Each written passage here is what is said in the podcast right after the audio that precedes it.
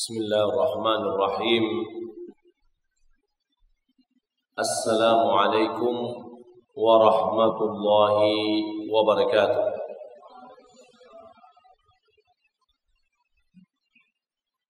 الحمد لله الذي هدانا لهذا وما كنا لنهتدي لولا أن هدانا الله وأشهد أن لا إله إلا الله وحده لا شريك له وأشهد أن محمدا عبده ورسوله. اللهم صل وسلم على نبينا محمد وعلى آله وصحبه أجمعين. أما بعد kaum muslimin dan muslimat rahimani wa rahimakumullah.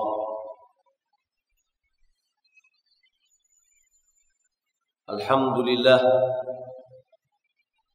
segala puji bagi Allah Rabb semesta alam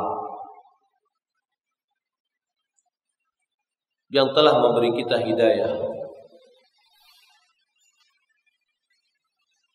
Kalaulah tidak dengan hidayah Allah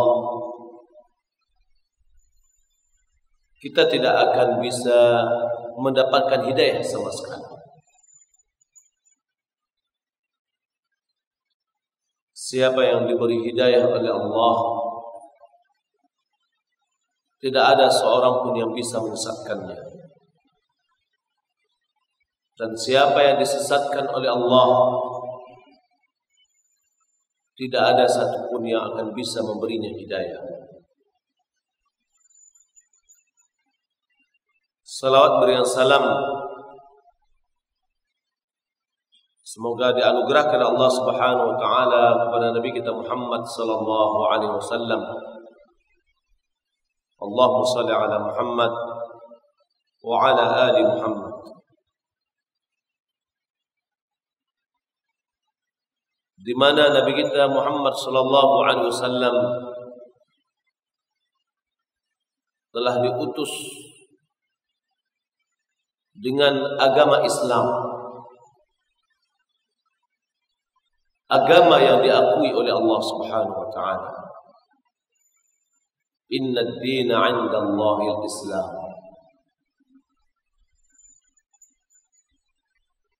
Agama yang diakui di sisi Allah adalah Islam.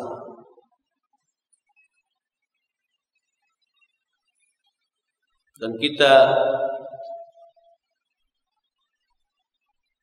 diperintahkan oleh Allah Subhanahu wa taala agar meninggal di atas Islam.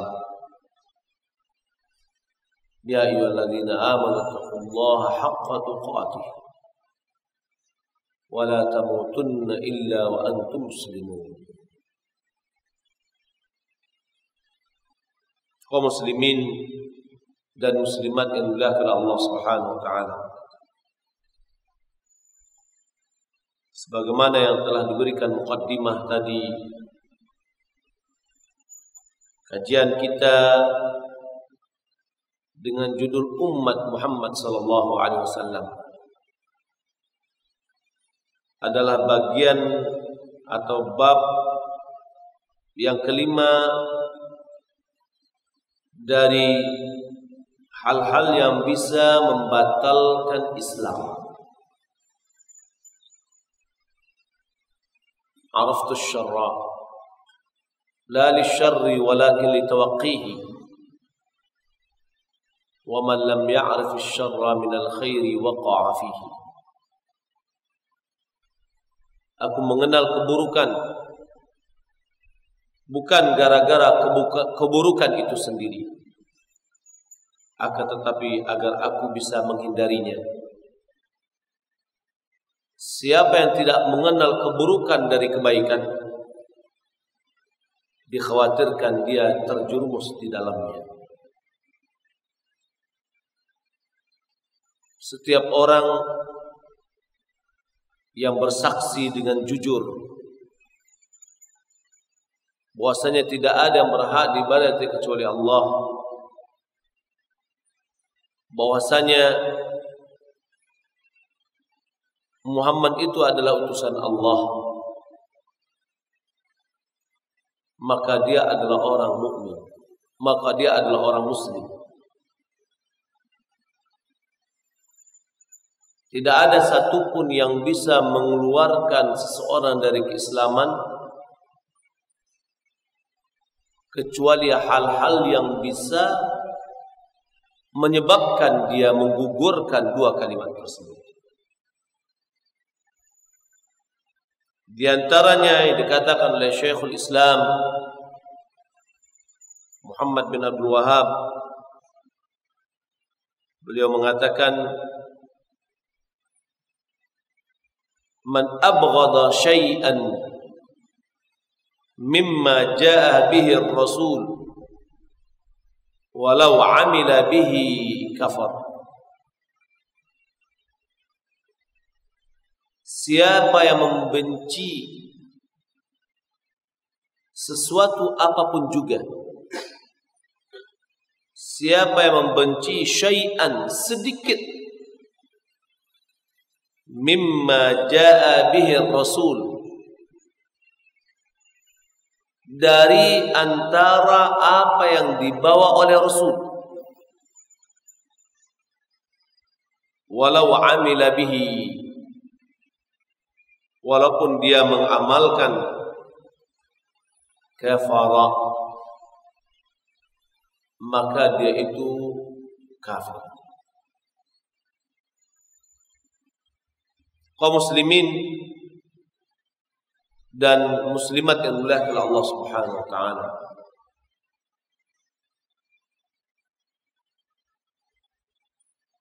Pengenalan kita terhadap nawaqidul Islam.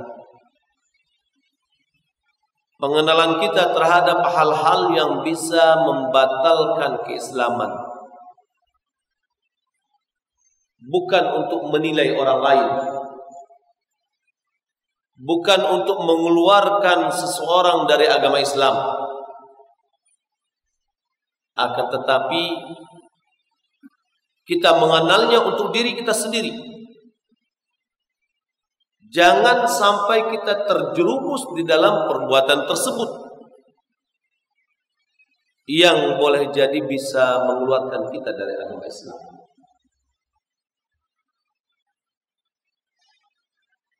Apa dalil dari perkataan yang mengatakan siapa yang membenci sesat satu saja atau sebagian kecil dari apa yang dibawa oleh Nabi Shallallahu Alaihi Wasallam. Walaupun dia mengamalkan. Dalilnya adalah firman Allah Subhanahu wa taala dalam surat Muhammad ayat 9 Allah Subhanahu wa taala berfirman Dzalika bi annahum karihu ma anzalallah fa ahbata a'malahum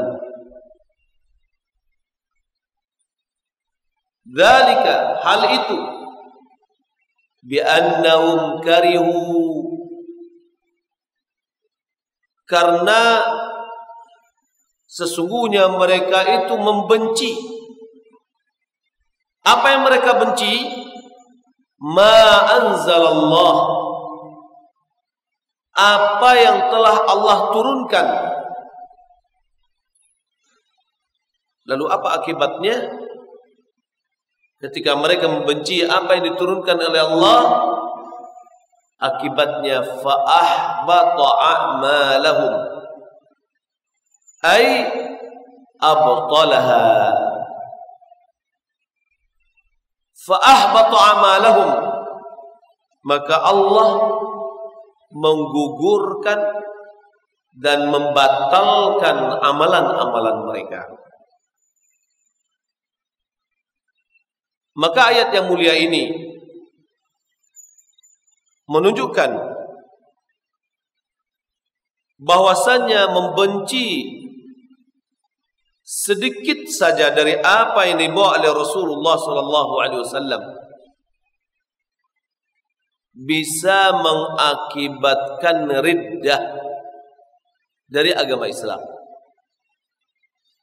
bisa menjadikan seseorang keluar dari agama Islam dan perbuatan itu bisa menggugurkan amalan yang pernah dilakukannya. Karena pokok-pokok keimanan yang telah kita ketahui ada enam. Yang pertama beriman kepada Allah, beriman kepada malaikat-malaikatnya, beriman kepada kitab-kitabnya, beriman kepada rasul-rasulnya, beriman kepada yaumil akhir, dan beriman kepada takdir yang baik dan yang buruk. Lalu siapa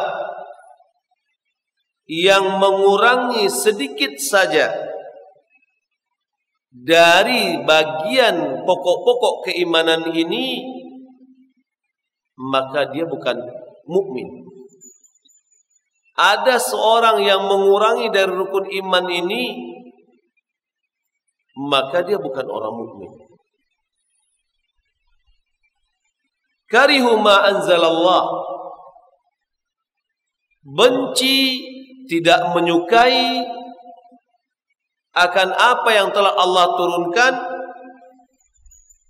meliputi Al-Quran dan sunnah Rasulullah sallallahu alaihi wasallam. Karena apa yang diturunkan oleh Allah Subhanahu wa taala terbagi kepada dua. Yang pertama Al-Quran yang dia adalah wahyu dia adalah wahyu pertama. Dia adalah sumber pertama dari sumber-sumber Islam.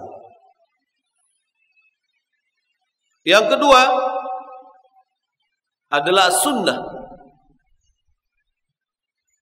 yang dibawa oleh Rasulullah sallallahu alaihi wasallam.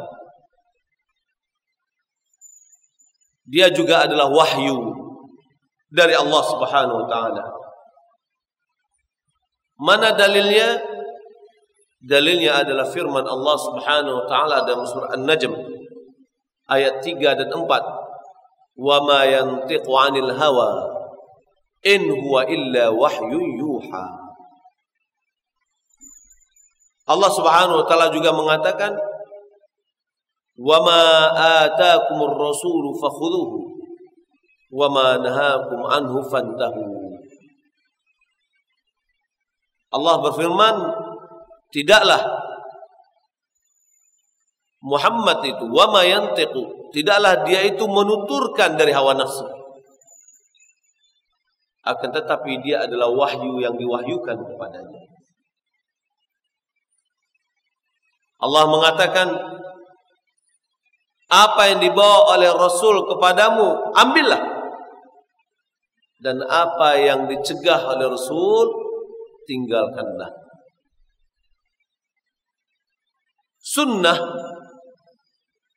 merupakan wahyu yang kedua dan sumber Islam yang kedua.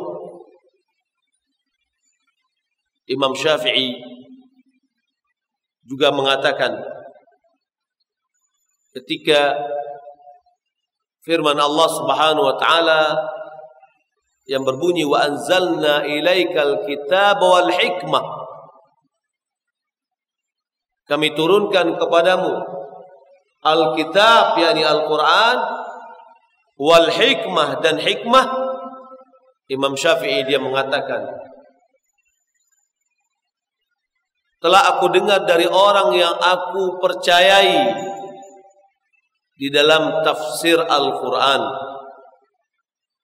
bahwa yang bahwa yang dimaksud dengan hikmah adalah sunnah. Yang dimaksud dengan hikmah itu adalah sunnah. Sebagaimana Allah Subhanahu wa taala menurunkan Al-Qur'an, Al-Kitab yakni Al-Qur'an, Allah Subhanahu wa taala juga menurunkan As-Sunnah. Maka Yahya bin Katsir dia mengatakan bahwa Jibril membawa sunnah menurunkan sunnah dari Allah sebagaimana menurunkan Al-Quran kepada Nabi kita Muhammad sallallahu alaihi wasallam. Kaum muslimin dan muslimat yang mulia Allah Subhanahu wa taala. Mencintai Allah dan mencintai apa yang diturunkan oleh Allah merupakan salah satu bentuk ibadah yang paling agung. Kemudian mencintai Rasul dan mencintai sunnahnya juga termasuk salah satu jenis ibadah yang agung. Maka kecintaan kepada Allah dan kecintaan kepada Rasulnya berkonsekuensi mencintai apa yang datang dari Allah dan Rasulnya. Dan membenci apa pun yang datang dari Allah atau yang datang dari Rasul berkonsekuensi membenci Allah dan membenci Rasulullah sallallahu alaihi wasallam. Kalau seandainya membenci Allah dan membenci Rasul, tentu ini merupakan satu tindakan ridah keluar dari agama Islam. Dan ini adalah bentuk kufur kepada Allah Subhanahu wa taala. Maka yang wajib bagi setiap muslim hendaklah dia mencintai apa yang datang dari Allah berupa Al-Qur'an dan mencintai apa yang datang dari Rasul berupa sunnah karena mengikuti kecintaan kepada Allah dan kecintaan kepada Rasul dan itu merupakan kecintaan terhadap agama ini. Apabila dia membenci sedikit pun dari hal itu, ini menunjukkan tidak adanya keimanan pada diri orang yang membencinya.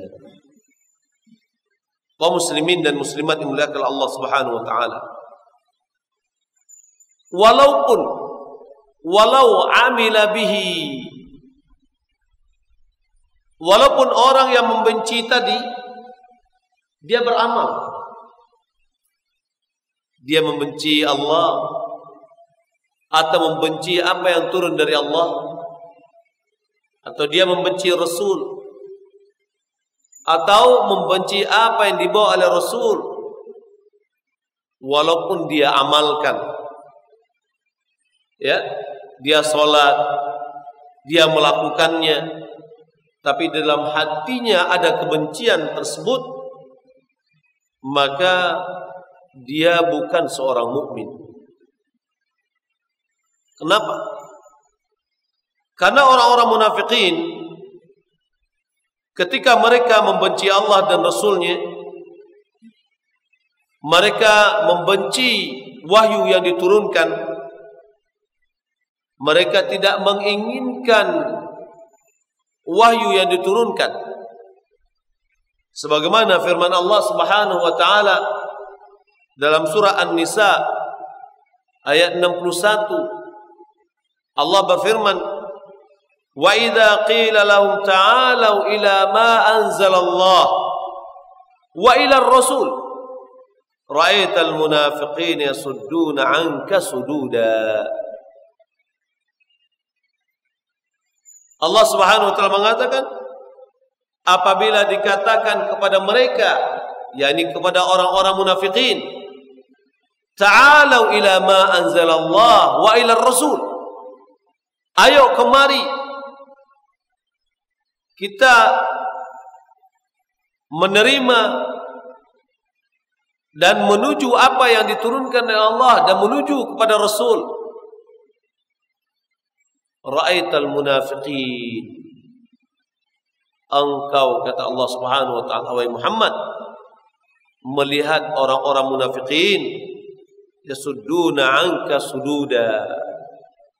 Dia berusaha menghalang-halangi darimu. Ketika kita mengajak orang kepada sunnah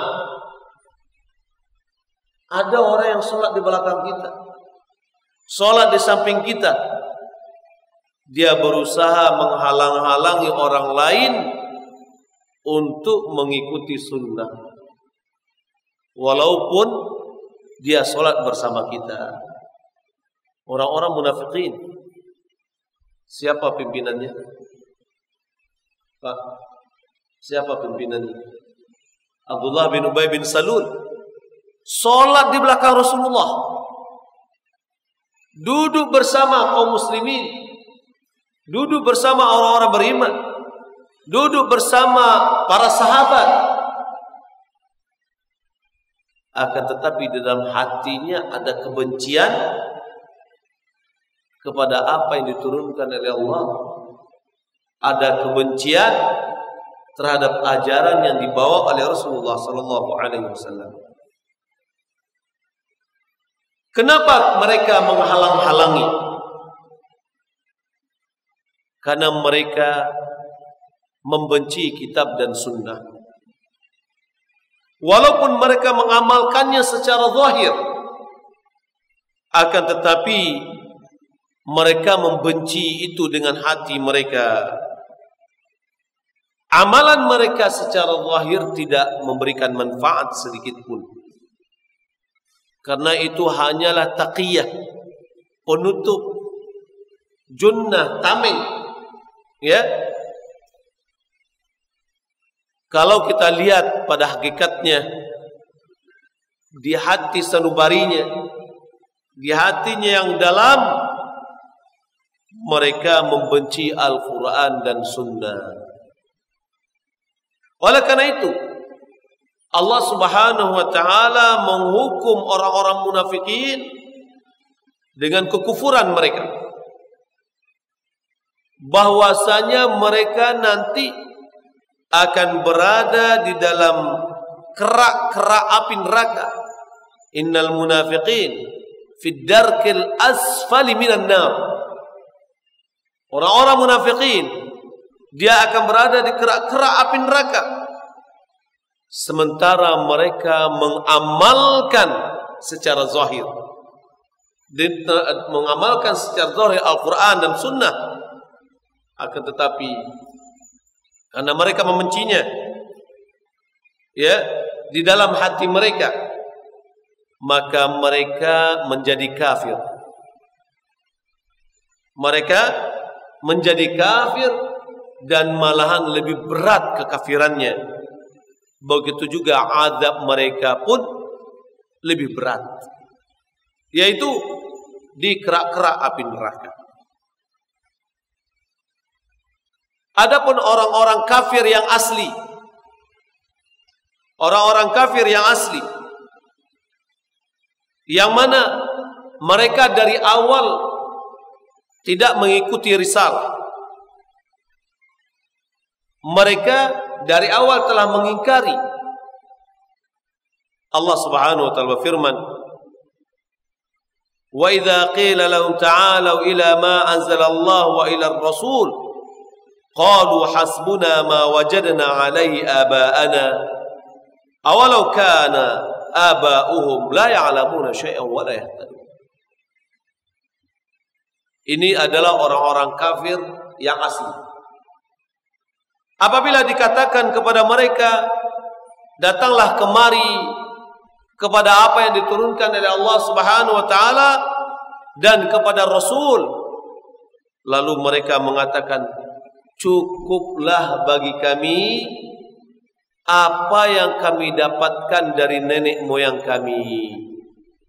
Tradisi-tradisi kami cukuplah itu awalau kana aba'uhum walaupun nenek moyang mereka dahulu la ya'lamuna syai'an wa la yahtadun mereka tidak mengetahui sama sekali dan mereka tidak mendapatkan petunjuk ini adalah perkataan mereka orang-orang kufar al-asl. Dia menolak untuk melakukan. Ya. Mereka juga mengatakan wa idza qila lahum ittabi'u ma anzala Allah qalu bal nattabi'u ma alfayna 'alaihi aba'ana awalau kana aba'uhum la yaqiluna syai'an wa la. Dalam surah Al-Baqarah ayat 170. Apabila dikatakan kepada mereka, ikutilah apa yang telah Allah turunkan, mereka mengatakan, malahan kami mengikuti apa yang kami jumpai nenek moyang kami walau kau walaupun nenek moyang kami itu adalah orang-orang yang tidak berakal sedikit pun dan tidak juga mendapatkan petunjuk. Pokoknya ini jurus ya jurus yang mematahkan. Pokoknya saya mengikuti nenek moyang. Apa pun keadaan. Ini adalah bagian orang-orang kufur dulunya, orang-orang kafir jahiliyah. Kaum muslimin dan muslimat yang berkah Allah Subhanahu wa taala maka orang-orang yang membenci apa yang diturunkan oleh Allah Subhanahu wa taala dia menjadi dua golongan. Golongan yang pertama adalah orang-orang kufar, orang-orang kafir yang asli. Dari awal dia menolak, membenci. Tapi dan dia tidak mengamalkan. Adapun yang kedua adalah orang-orang yang mendakwakan dia adalah Islam. Sementara dia membenci apa yang diturunkan oleh Allah Subhanahu wa taala. Ya, mereka itu adalah orang-orang munafikin yang telah kita sebutkan perkataan-perkataan mereka sebelumnya. Sementara orang mukmin orang-orang mukmin adalah mereka mencintai apa yang datang dari Allah mereka mencintai apa yang datang dari Rasulullah sallallahu alaihi wasallam. Oleh karena itu Allah Subhanahu wa taala berfirman dalam surah An-Nur ayat 51. Innama kana qaulal mu'minina idza du'u ila Allah wa rasulih liyahkuma bainahum ay sami'na wa ata'na wa ulaika muflihun. Hanya saja perkataan orang-orang mukmin itu apabila mereka dipanggil kepada Allah dan Rasulnya liyahkuma bainahum agar menjadi penengah di antara mereka apa kata mereka ayyaqulu sami'na wa ata'na. Apa artinya? Kami mendengar kami menjalankan, kami mentaati, kami mendengar, kami lakukan, kami mendengar, kami ikuti sesuai dengan yang diperintahkan. Tapi orang munafikin bagaimana? Sami'na wa asayna. Apa arti sami'na wa asayna? Kami dengar, kami mengabaikan. Bahasa Minangnya ada Pak. Apa? Iuan kecil orang, laluan kecil awak. Yani benar iya kan kata orang, tapi ya keinginan kita juga yang kita lakukan. Kita ngangguk-ngangguk, ya ya ya ya, tapi apa yang keinginan kita juga yang kita lakukan. Itu namanya sami'na wa asaina ya. Kita mengangguk-angguk juga tentang Al-Quran tapi keinginan kita juga yang kita lakukan. Ya. Bukan keinginan Al-Quran dan Sunnah yang kita lakukan. Maka itu bentuk dari sami'na wa asayna yang sebenarnya sami'na wa ata'na datang Al-Quran yang memerintahkan datang Sunnah yang memerintahkan kita katakan iya kita lakukan apa yang dikatakan oleh Al-Quran dan Sunnah itu. Itulah mananya sami'na wa ata'na wa ulaika humul muflihun. Dan mereka itulah orang-orang yang beruntung. Ini orang mukmin. Mereka mengatakan sami'na wa ata'na karena mereka mencintai apa yang datang dari Allah dan Rasulnya. Malahan tidak dijumpai sedikit pun rasa sempit hati. Dia tidak mendapatkan rasa risih di hatinya terhadap apa yang telah Allah putuskan dan apa yang telah diputuskan oleh Rasulullah sallallahu alaihi wasallam. Sebagaimana firman Allah Subhanahu wa taala dalam surat An-Nisa ayat 65. Allah berfirman, "Fala wa rabbika la yu'minun hatta yuhakkimuka fima shajara bainahum." ثم لا يجدوا في أنفسهم حرجا مما قضيت wa yusallimu taslima. Asbabun nuzulnya adalah Zubair bin Awam dia berselisih dengan salah seorang tetangganya orang Ansor di dalam perairan mengairi kebunnya. Air itu bersumber dari arah kebunnya Zubair bin Awam. Lalu mereka berdua datang kepada Rasulullah. Lalu Rasulullah mengatakan, "Wahai Zubair, siramlah tanamanmu dan alirkan air kepada tetanggamu." Apa jawaban dari tetangganya ini? Angkana ibnu ammatik. Apakah karena dia adalah anak bibimu. Ya. Dia tidak menerima keputusan Nabi pertama itu. Malahan dia katakan, kamu mengambil kesimpulan ini atau hukum ini karena dia adalah anak bibimu. Lalu Nabi Shallallahu Alaihi Wasallam marah, mukanya merah. Ya, apa kata Nabi? Wahai Zubair, tahan air sampai air itu memenuhi pokok-pokok tanaman. Sampai tergenang air. Lalu alirkan kepada tetanggamu. Mana keputusan yang lebih menyamankan tetangga? Yang pertama atau yang kedua? Yang pertama. Lalu turunlah firman Allah Subhanahu wa taala. Fala wa rabbika la yu'minun.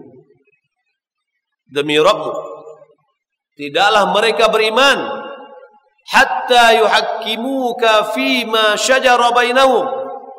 Sampai mereka menjadikanmu hakim penengah terhadap apa yang mereka selisihkan. Termasuk ketika kita berselisih pendapat kita harus mengembalikan kepada Rasulullah yakni kembali kepada sunnah ثم لا yajidu في أنفسهم حرج ثم لا yajidu في أنفسهم حرجا مما قضيت. Kemudian mereka tidak menemukan rasa sempit di hati mereka terhadap apa yang telah engkau putuskan. Wa yusallimu taslima. Mereka menerima dengan sebaik-baiknya. Ayat ini kaum muslimin dan muslimat yang Allah Subhanahu wa taala menunjukkan kepada kita bahwa tidak cukup hanya kita menerima secara zahir sementara batin kita masih berkata-kata sementara batin kita masih terkadang menolak. Biarlah saya melakukan ini pokoknya saya tidak dibicarakan oleh orang tapi hati kita masih menolak. Belum puas belum bisa menerima semaksimal mungkin. Tapi kita melakukannya khawatir nanti dibilang oleh teman, ya kita ini nggak patuh. Ya udah saya lakukan aja deh. Enggak. Kita dengar, kita amalkan lahir dan batin. Lahir dengan perbuatan kita secara zahir. Batin penerimaan kita yang baik dari apa yang diputuskan oleh Allah dan Rasulnya. Penerimaan kita dengan baik terhadap sunnah yang diajarkan oleh Rasulullah sallallahu alaihi wasallam. Kaum muslimin yang dimuliakan dan muslimat yang dimuliakan Allah Subhanahu wa taala. Orang-orang mukmin dia menerima keputusan Allah dan Rasulnya dengan penerimaan lahir dan batin. Mereka tidak mendapatkan rasa sempit di hati mereka. Kenapa? Karena mereka mencintai Allah dan Rasulnya. Karena mereka mengetahui bahwa yang datang dari Allah dan Rasulnya itu adalah al-haq. Yang datang dari Allah dan Rasulnya itu adalah al-adl. Yang mana kesudahan dari apa yang dia yang dia yang ditetapkan kesudahannya adalah baik. Mereka tidak pernah mendahulukan sesuatu apa pun juga atas hukum Allah dan Rasulnya walaupun menyelisihi hawa nafsu mereka walaupun menyelisihi keinginan mereka mereka meninggalkan pemikiran mereka mereka meninggalkan keinginan dan dorongan hawa nafsu mereka dan menerima keputusan Allah dan Rasulnya. Karena mereka mengetahui bahwa dalam keputusan Allah dan Rasulnya terdapat kebaikan. Baik sekarang maupun akan datang. Mereka itulah orang-orang yang beriman.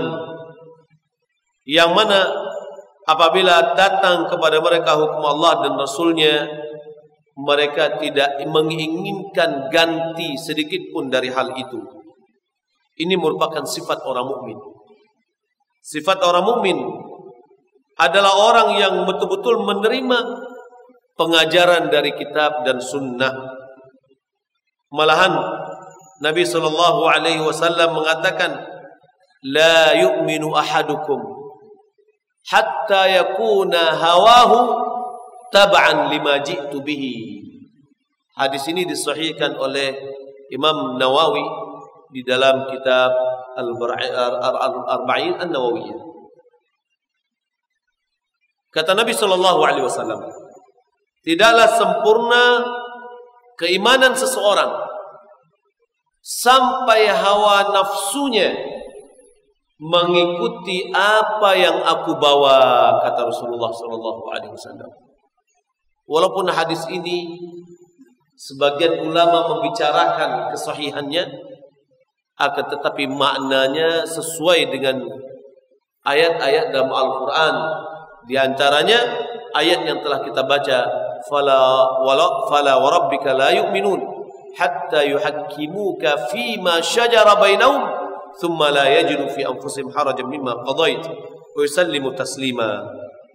Maka orang mukmin Bapak Ibu yang dimuliakan Allah Subhanahu wa taala adalah orang-orang yang betul-betul berusaha untuk menjaga berusaha untuk mencintai kitab dan sunnah. Dia berusaha untuk mendekat kepada Al-Quran dan sunnah.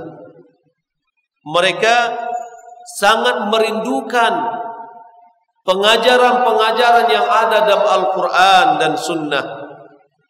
Melebihi kerinduan mereka terhadap makanan dan minuman.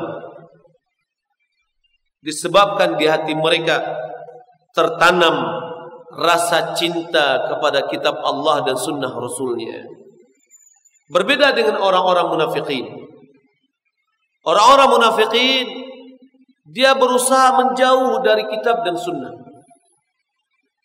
dia berusaha lari dari pengajaran Al-Quran dan Sunnah. Walaupun mereka membaca Al-Quran dengan lidah mereka. Orang munafikin juga membaca Al-Quran. Nabi Shallallahu Alaihi Wasallam mengatakan, "Mathalul munafiqin, mathalul munafiqin alladzina yaqra'una al-Quran." kamathali ar-raihanah rihuha tayyibah wa ta'muha mur. Perumpamaan orang munafikin yang membaca Al-Quran bagaikan bunga raihana. Bagaimana bunga raihana? Aromanya harum, tapi rasanya pahit. Aroma yang muncul ibarat bacaan suara Al-Quran yang dibaca oleh orang munafik. Rasanya pahit itu ibarat pahitnya hatinya karena dia tidak beriman kepada Allah Subhanahu wa taala. Berbeda dengan orang mukmin yang membaca Al-Qur'an. Mathalul mu'min alladhi yaqra'ul Qur'an. Perumpamaan orang mukmin yang membaca Al-Qur'an kamathalil utrujjah. Rihuha tayyib wa ta'muha hulwun. Perumpamaan orang orang mukmin yang membaca Al-Qur'an adalah seperti buah utrujah. Aromanya harum, rasanya manis. Aromanya harum disebabkan dia membaca Al-Quran. Karena suara membaca Al-Quran kedengar oleh orang. Sebagaimana semerbaknya bau aroma yang indah. Lalu rasanya manis karena keimanan yang ada pada pada hatinya kaum muslimin dan muslimat yang dimuliakan Allah Subhanahu wa taala maka kalau kita lihat orang umat Nabi Muhammad. Tiada lain bagi dia jika dia betul-betul menyatakan cinta kepada Rasulullah. Harus kita buktikan kecintaan kita itu dengan mencintai sunnah Rasulullah. Jangan sempat kita membenci apalagi mengingkarinya. Terkadang sebagian dari kaum muslimin walaupun dia sholat ketika dia berhadapan dengan sunnah Rasulullah yang dia rasa tidak cocok dengan dirinya ada di antara mereka itu yang mengingkari dia katakan ini bukan datang dari Rasulullah Sementara hadisnya dalam Sahih Bukhari dan Muslim. Ya. Ini berbahaya. Ini sangat berbahaya. Di dalam mukaddimah kitab uh, Syarah At-Tahawiyah oleh Abil Izz dia katakan bagi orang-orang yang membenci atau orang-orang yang belum mampu menjalankan sunnah dia katakan lebih baik orang yang belum mampu melaksanakan sunnah dia katakan saya tahu ini adalah sunnah Rasulullah. Saya tahu yang ini ini adalah sunnah Rasulullah. Akan tetapi saya belum mampu melakukannya. Itu jauh lebih baik ketimbang dari orang yang mengatakan ini bukan sunnah Rasulullah. Enggak mungkin Rasulullah melakukan begini karena akalnya yang pendek. Ya, lebih baik kita mengakui itu adalah sunnah, namun kita mengatakan orang-orang yang sudah melakukan dia adalah orang yang lebih baik daripada saya. Dia sudah mampu menjalankan sunnah Rasulullah, tapi saya belum mampu. Karena begini, karena begitu dan seterusnya. Itu masih mending daripada ada orang yang mengejek-ejek orang melaksanakan sunnah. Melihat ketika wanita memakai jilbab lebar atau ketika seorang uh, akhwat memakai cadar dibilang ini ninja ini berbahaya ya atau ketika sebagian ikhwan yang dia sudah mau menjalankan sunnah Rasulullah tidak mau isbal ya tidak mau isbal dia katakan oh ini kehujanan di mana? Kebanjiran di mana? Ya. Ketika sebagian kaum muslimin sudah mau mencintai Rasulullah dan menjalankannya, dia mulai berjenggot. Lalu datang sebagian orang yang eh ini datang dari kebun mana? Ya, ini adalah sindiran-sindiran yang mengindikasikan kebenciannya kepada sunnah Rasulullah. Hati-hati kita. Ini untuk diri kita sendiri. Jangan jangan sempat kita terjerumus ke dalam kekeliruan yang bisa menghantar kita keluar dari umat Nabi Muhammad sallallahu alaihi wasallam. Walaupun kita mengatakan saya sangat cinta dengan Rasulullah, setiap orang mendakwakan dia cinta dengan Laila. Namun Laila tidak mengakuinya. Ya, semua orang mendakwakan dia cinta dengan Rasulullah, tapi mana buktinya? Konsekuensi cinta kepada Rasulullah adalah mencintai ajaran Rasulullah. Ya, mencintai ajaran Rasulullah. Maka itu adalah konsekuensinya. Kemudian mencintai orang-orang yang mencintai ajaran Rasulullah. Otomatis tidak mungkin kita mencintai ajaran Rasulullah sementara kita membenci orang-orang yang menjalankan ajaran Rasulullah. Itu tidak akan mungkin sama sekali. Oleh karena itu, mari kita Bapak Ibu di belakang Allah Subhanahu wa taala mencintai apa yang diturunkan oleh Allah, mencintai apa yang dibawa oleh Rasulullah agar kita menjadi seorang mukmin yang sejati dan kita berlindung dari da, kepada Allah Subhanahu wa taala dari ketergelinciran hati. Setelah Allah Subhanahu wa taala memberikan hidayah kepada kita Rabbana la tuzigh qulubana ba'da idh hadaitana wa hab lana min ladunka rahmah innaka antal wahhab ya muqallibal qulub tsabbit qulubana ala Bapak Ibu belakang Allah Subhanahu wa taala mudah-mudahan apa yang kita sampaikan pada pagi ini bermanfaat bagi kita terutama bagi saya sendiri dan kepada bagi kita yang mendengarnya. Wallahu taala alam. Wa sallallahu ala Muhammad wa alihi wa sahbihi ajma'in. Kalau seandainya ada pertanyaan silahkan ya. Kalau seandainya ada pertanyaan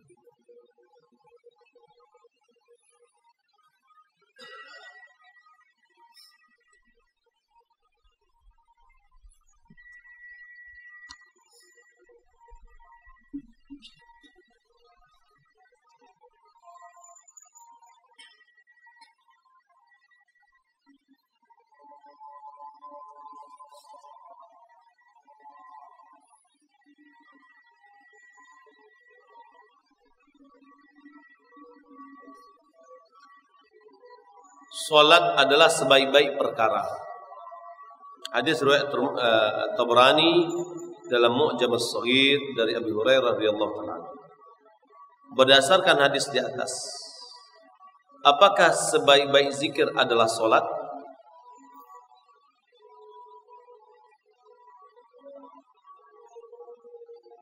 Wallahu taala yang saya ketahui dari perkataan ulama seperti Syekh bin Bas rahimahullah taala sebaik-baik zikir itu adalah membaca Al-Qur'an.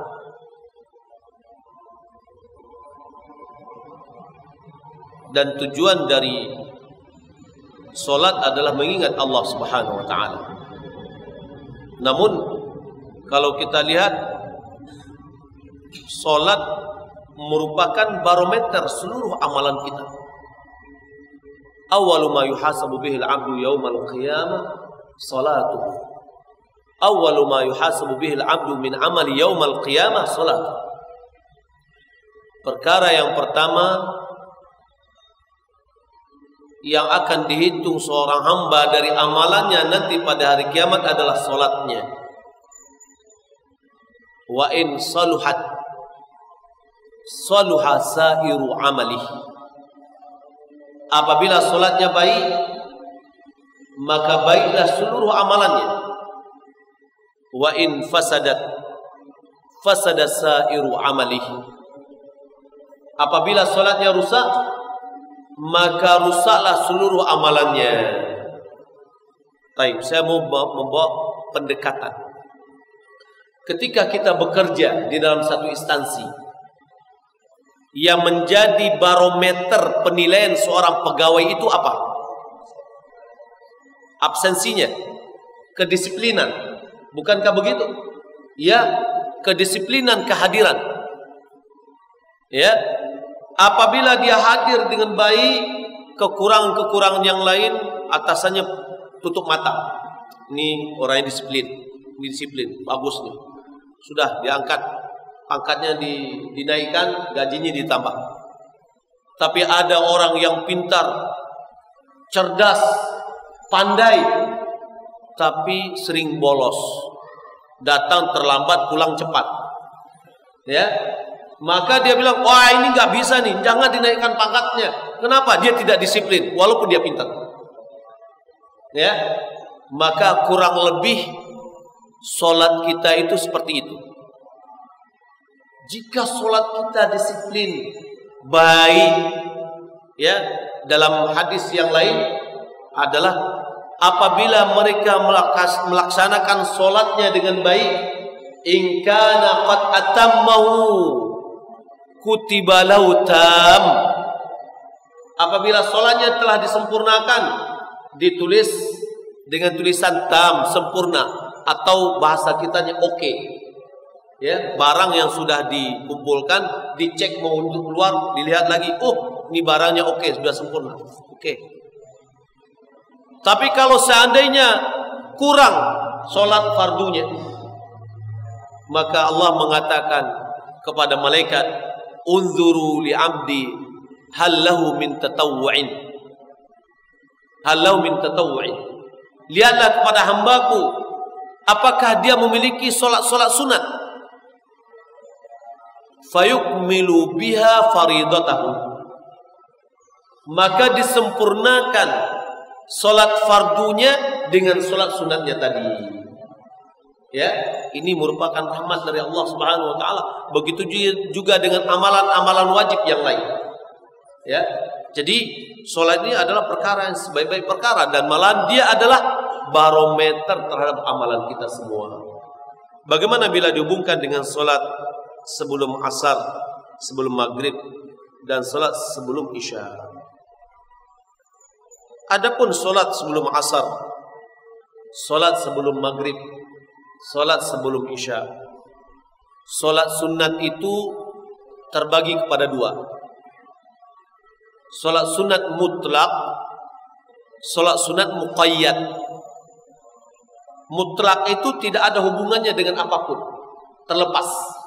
Ada seorang pengen, saya mau pengen sholat dua rakaat, ya udah silakan. Asalkan tidak pada waktu-waktu yang dilarang. Ya, dia mau mendekatkan dirinya kepada Allah, silakan dia sholat dua rakaat. Sedang galau, saya mau pengen sholat kepada Allah, ya silakan sholat dua rakaat. Kapan pun selain dari waktu-waktu yang yang dilarang. Kapan saja waktu-waktu yang dilarang? Ada lima. Yang pertama, setelah sholat subuh sampai terbit matahari. Yang kedua, waktu terbit matahari sampai matahari naik sepenggalan. Makanya sholat sunat syuruk itu ya dianjurkan 15 menit setelah terbitnya matahari.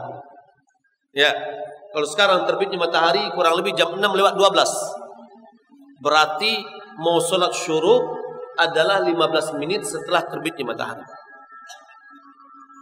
Yang ketiga, ketika matahari pas di atas kepala. Yang keempat, setelah sholat asar. Setelah sholat asar, sampai terbenam matahari. Ulama mengatakan, walaupun dia jamak solat zuhur dan asarnya jamak takdim karena dia sudah mengerjakan solat asar, maka dia tidak boleh solat sunat setelah itu lagi. Paham ya? Kalau sholat asar mungkin pada waktu asar saja. Sekarang ada seorang yang menjamak sholatnya zuhur dan asar karena dia musafir. Dia lakukan jamak takdim. Ya, berarti jamak takdim itu apa? Sholat asarnya digeser ke depan. Maka dia tidak boleh lagi sholat sunat. Ya setelah itu sampai terbenam matahari. Kemudian yang kelima, ketika matahari sudah mulai menjadi tamu untuk ditenggelam, untuk tenggelam. Ya ini kurang lebih lima menit sebelum tenggelam. Ya, sampai matahari itu terbenam. Pada lima waktu ini tidak boleh sunat mutlak. Yang kedua, Salat sunat muqayyad. Muqayyad ini artinya uh, apa namanya? Dia dibatasi atau dikaitkan dengan yang lain. Baik dia dikaitkan dengan waktu, di antaranya sholat duha, di antaranya adalah sholat syuruk tadi, di antaranya adalah sholat malam, berarti itu dikaitkan dengan waktu, ya, atau dikaitkan dengan tempat, seperti sholat tahiyatul masjid, atau dikaitkan dengan perbuatan, seperti ah, sholat sunat wudhu, ya, Nah, atau dengan waktu juga adalah sholat sunat rawatib. Sholat sunat rawatib merupakan dari sholat sunat muqayyad. Kenapa dinamakan dengan rawatib? Karena dia mengikuti sholat-sholat wajib. Nah, sholat sunat rawatib ini terbagi kepada dua.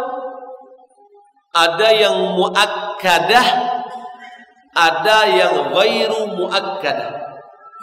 Muakkadah itu yang ditekankan. Ya, Nabi tidak pernah meninggalkannya kecuali dalam kondisi musafir. Apa saja? Dalam riwayat Ibnu Umar 10 rakaat. Dalam riwayat Ummu Atiyah dan yang lain 12 rakaat. Man shalla lillahi 12 rakaat fi yawmin wa lailah banallahu lahu biha baitan fil jannah siapa yang solat bagi Allah 12 rakaat siang dan malam maka Allah akan membangunkan untuknya dengan solatnya itu satu rumah di dalam surga. Mana yang 12 itu? Empat rakaat sebelum zuhur. Dua rakaat setelah zuhur. Dua rakaat setelah asar, eh, setelah maghrib, dua rakaat setelah isya, dua rakaat setelah atau sebelum subuh. Dua rakaat sebelum subuh. Saya ulangi, empat rakaat sebelum zuhur, dua rakaat setelah zuhur, dua rakaat setelah maghrib, dua rakaat setelah isya, dan dua rakaat sebelum subuh. Ya, dua rakaat sebelum subuh ini ada tiga nama biasanya, bendanya satu. Sholat sunat fajar Sholat sunat qabaliyah subuh Sholat sunat subuh Itu tiga nama bendanya satu. Apa itu? Sholat sunat subuh. Kadang-kadang dinamakan dengan sholat sunat fajar. Ya, Nah Adapun yang kedua Ghairu muakkadah. Yang tidak ditekankan Di antaranya adalah sholat sunat sebelum asar. Nabi Wasallam bersabda dalam hadis yang dikeluarkan oleh An Nasai, "Man uh, rahimallahu mra'an shalla arba'an qabla al-asri." Allah merahmati manusia atau seseorang yang dia sholat empat rakaat sebelum zuhur, eh, sebelum asar. Empat rakaat sebelum asar. Empat rakaat ini bagaimana cara mengerjakannya? Dua rakaat, dua rakaat. Dua rakaat salat, kemudian tambah lagi dua rakaat, kemudian salam. Adapun sebelum maghrib, Nabi Shallallahu Alaihi Wasallam mengatakan dalam hadis keluarkan Imam Bukhari, "Sallu qabla al-maghrib, sallu qabla al-maghrib, sallu qabla al-maghrib liman syaa'a." Karihatan ayat takhidha an-nas karihatan ayat takhidahan nasu sunnatan. Kata Nabi Shallallahu Alaihi Wasallam, solatlah sebelum maghrib, solatlah sebelum maghrib, solatlah sebelum maghrib bagi siapa yang berkenan, siapa yang mau. Kalau bagi siapa yang mau, maka hendaklah muadzin atau imam memberikan kesempatan kepada jamaah untuk mengerjakannya. Ya. Karena ada sebagian masjid terutama di tempat kami ya kalau sudah adzan maghrib langsung komat ini menyelisih sunnah Rasulullah Sallallahu Alaihi Wasallam. Adapun sebelum salat Isya termasuk dalam hadis Nabi sallallahu alaihi wasallam baina adzanaini salatun antara dua azan maksudnya azan dan qamat terdapat salat maka ini ya uh, ada anjuran-anjuran tersendirinya dan salat itu sendiri apa apa makna salat Pak apa mana sholat? Doa. Sholat itu artinya adalah doa secara bahasa. Ya Allah berfirman, Khudh min amwalihim sadaqatan tutahhiruhum wa tuzakkihim biha wa salli alaihim. Inna salataka sakanun lahum. Ambillah dari sebagian harta mereka ya sadaqatan sedekah atau zakat. Tuzakkihim tutahhirum biya ya yang mana engkau membersihkannya dengan sedekah itu. Wasalli alaihim salatlah engkau terhadap mereka. Maksudnya doakanlah mereka yang membayar itu. Ya? Kalau kita lihat lagi secara bahasa eh, secara istilah Salat itu adalah ibadatun lillah min aqwalin wa af'alin makhsusah. Ibadah kepada Allah dari dengan perkataan dan perbuatan yang khusus tuftatahu bil takbir wa tukhtatam bit taslim. Diawali dengan takbir, diakhiri dengan salam. Kalau kita lihat dari awal kita bertakbir, sampai sebelum kita salam semua yang kita baca di dalamnya adalah doa kepada Allah Subhanahu wa taala. Kalau seorang yang sedang sholat, dia sedang berhadapan dengan Allah. Dia sedang bermunajat dengan Allah. Dia sedang berdialog dengan Allah Subhanahu wa taala. Maka sebaik-baik dia mengajukan permohonan adalah ketika dia di dalam sholat. Nabi sallallahu alaihi wasallam mengatakan aqrabu ma yakunul abdu min rabbih wa huwa sajid. Posisi yang terdekat seorang hamba dengan Rabbnya ketika dia sujud. Nabi mengatakan fa'akthiru fihi du'a. Perbanyaklah dalam sujud itu doa kepada Allah Subhanahu wa taala. Maksud sujud di sini adalah sujud dalam salat. Bukan ada orang setelah dia berzikir kemudian dia sujud. Ini adalah salah pemahaman. Yang dimaksud dengan sujud ini adalah sujud di dalam sholat. Ya, kata Nabi Shallallahu Alaihi Wasallam juga mengatakan, adapun sujud maka sangat diharapkan doa itu dikabulkan. Ya, maka oleh karena itu kita masukkan di dalam sholat ini adalah doa kita kepada Allah Subhanahu Wa Taala. Maka hendaklah seorang itu betul-betul khusyuk di dalam solatnya karena dia sedang bermunajat kepada Allah. Kita lihat sebagian orang tidak, solatnya cepat-cepat. Kemudian dia berzikir, doanya lama sekali. Khusyuk dalam doanya. Ini salah. Keliru dia. Kenapa? Seharusnya ketika dia berhadapan dengan Allah, dia betul-betul serius dan khusyuk. Bukan setelah selesai berhadapan dengan Allah. Baik, kalau seandainya misalkan kita mau berjumpa dengan Pak RT mengajukan permohonan atau kepada atasan kita, kita mengajukan permohonan ke atasan kita ketika kita berhadapan dengannya atau setelah kita melapor sampai di di, di apa namanya sampai kita di ruang kantor kita baru kita mengajukan permohonan. Ya tidak. Ketika kita berhadapan. Ya, maka oleh karena itu Syekhul Islam Ibn Qayyim dia mengatakan sebaik-baik doa itu adalah ketika kita dalam solat. Maka oleh karena itu mari kita khusyuk dalam solat kita, baik solat fardu maupun solat sunat. Wallahu taala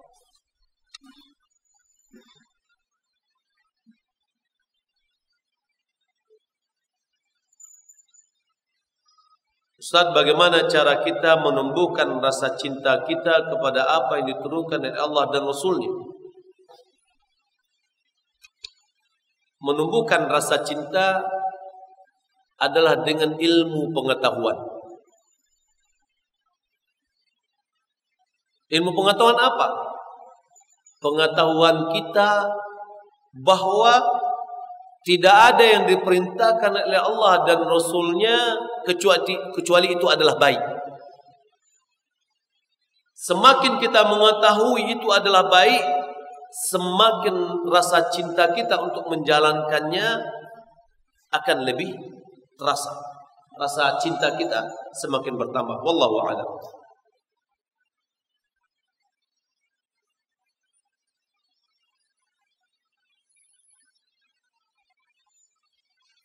Tapi ini ada pertanyaan. Ustaz keliling keluar berdakwah tiga hari, tujuh hari, empat puluh hari seperti apa yang dilakukan oleh sebagian kaum muslimin? Apakah itu bagian dakwah sunnah Rasulullah? Pertama kita sangat mencintai orang mencintai sunnah Rasulullah. Dan Ketika semua orang mengatakan saya mencintai Rasulullah, mencintai sunnah Rasulullah, itu adalah satu poin yang sudah bagus. Ketimbang dari orang yang belum mengungkapkan dia mencintai Rasulullah. Tapi yang perlu kita ketahui adalah sunnah Rasulullah yang mana yang harus kita cintai. Apa betul itu sunnahnya atau bukan? Maka ini perlu ada pengetahuan agar yang sunnah itu betul-betul sunnah. Ya, sunnah itu apa? Adalah kebiasaan yang dibawa oleh Rasulullah SAW. Maka seperti misalkan berdakwah tadi, mari kita lihat, kita cross check kembali. Apa betul Rasulullah pernah melakukan itu? Kalau iya betul ada dalilnya, dikeluarkan mungkin oleh Imam Bukhari atau Imam Muslim atau hadisnya sahih, ayo kita laksanakan bersama. Tapi kalau tidak ya berarti kalau kita betul-betul cinta dengan Rasulullah, cinta dengan sunnahnya, apa yang bukan dikatakan sunnahnya kita tidak jalankan. Walaupun itu menjadi sunnah sebagian orang. Jadi sunnah itu apa? Tradisi. Ya, kalau dalam bahasa Arabnya adalah uh, tariqu masluka. Jalan yang selalu ditempuh. Artinya tradisi dia. Kalau ada seorang yang tradisinya ketika dia datang ke pengajian tidur, maka kita katakan sunnah si fulan tidur di dalam pengajian. Ya, itu artinya sunnah, tradisi. Nah, yang menjadi acuan kita menjadi dapat pahala adalah tradisinya Rasulullah. Itu dinamakan dengan sunnah Rasulullah Sallallahu Alaihi Wasallam. Nah, maka kalau kita lihat, kalau seandainya kita ingin berdakwah mengajak orang bagus, pertama harus kita berilmu, ya, seperti orang yang membuat obat, ya, ada nggak apoteker yang tidak belajar dengan ilmu uh, apa namanya ilmu uh, farmasi? Nggak ada. Kalau ada apoteker yang tidak mempelajari ilmu uh, obat-obatan, itu adalah apoteker gadungan. Ya, dia pengen bikin obat, bukannya obat yang datang. Yang jadi apa? Racun. Kalau racun dimakan oleh orang, paling-paling maksimal apa? Mati. Itu maksimal. Tapi kalau berdakwah salah kita membawa ngajak orang berbahaya. Apa bahayanya? Pengennya masuk surga, taunya nyasar ke api neraka. Ya, berbahaya, lebih berbahaya dari kematian. Maka oleh karena itu kita harus berilmu ya dalam berdakwah. Wallah taala mudah-mudahan bermanfaat. Mohon maaf atas segala kekurangan kesalahan. Terima kasih atas segala perhatian. Wassallallahu Muhammad wa ala alihi wa sahbihi ajma'in. Kita tutup dengan kafaratul majlis.